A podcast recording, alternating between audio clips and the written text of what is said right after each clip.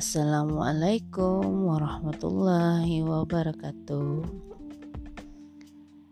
Selamat datang kembali Ayah Bunda di sharing Mandeh Ica. Sebelumnya Mandeh minta maaf sekali karena sudah lama tidak bikin podcast baru karena satu dan lain hal.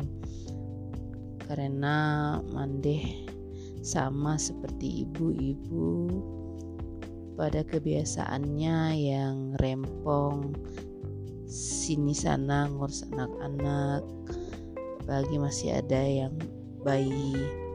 Jadi banyak waktu tersita untuk membersamai anak-anak. Kali ini Mande ingin mengangkat sebuah topik yang diambil dari bukunya Ayah Edi yaitu mendidik anak ala radio sak. Adakah ayah bunda yang punya radio atau TV rusak? Apa yang kita lakukan ketika kita mau menghidupkan radio atau TV tersebut tapi yang keluar hanya suara kresek-kresek atau gambar yang tidak jelas banyak dari kita akan memukul-mukul radio atau TV itu berharap mereka akan kembali seperti semula walaupun pada awal-awalnya itu terjadi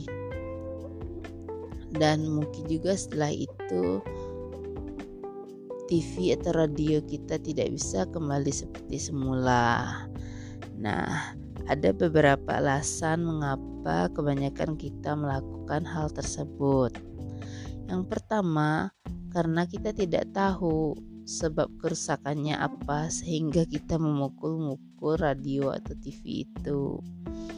Yang kedua, ingin cara mudah dan cepat. Ibaratnya SIM selabim langsung kembali seperti semula. Yang ketiga, karena terbawa emosi dan rasa kesal, karena hal tersebut terjadi berulang-ulang. Dan yang keempat, tidak ingin repot-repot mencari sebab masalah dan menemukan solusinya. Begitulah juga kira-kira ketika kita mendidik anak-anak ala radio rusak itu tanpa sadar kita orang tua telah memperlakukan anak-anak kita mirip dengan radio rusak itu.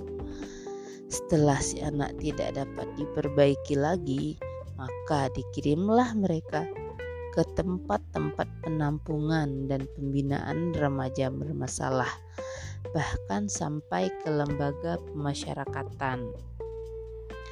Alasan yang mendasarinya pun hampir serupa, karena kebanyakan orang tua tidak mengetahui mengapa anaknya berperilaku seperti itu.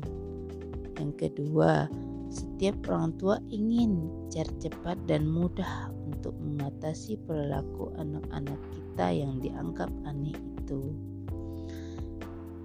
Dan sebagian orang tua melakukannya karena dorongan rasa emosi dan marah dan tidak banyak juga orang tua yang mau bersusah payah belajar menemukan masalah dan mendapatkan solusi dari masalah itu.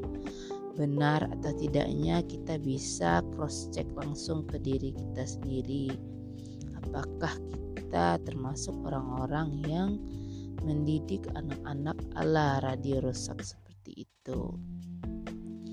Apabila Jawabannya iya, itu tidak masalah.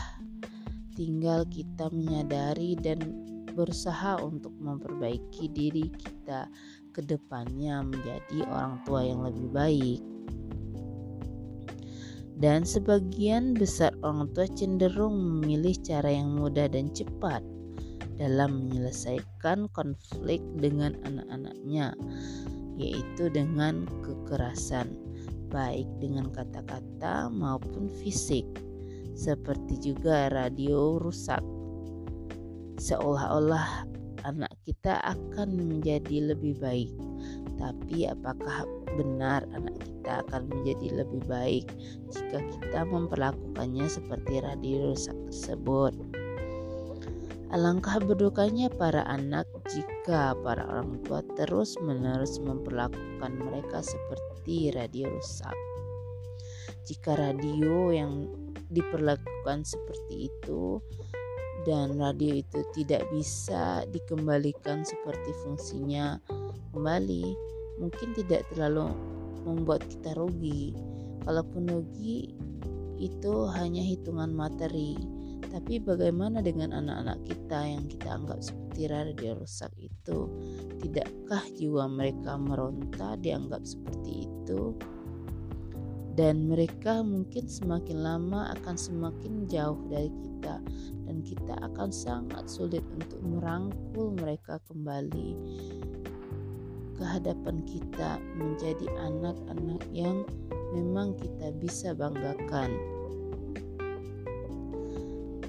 para orang tua, anak kita merupakan perwujudan cinta kasih dari kedua orang tuanya.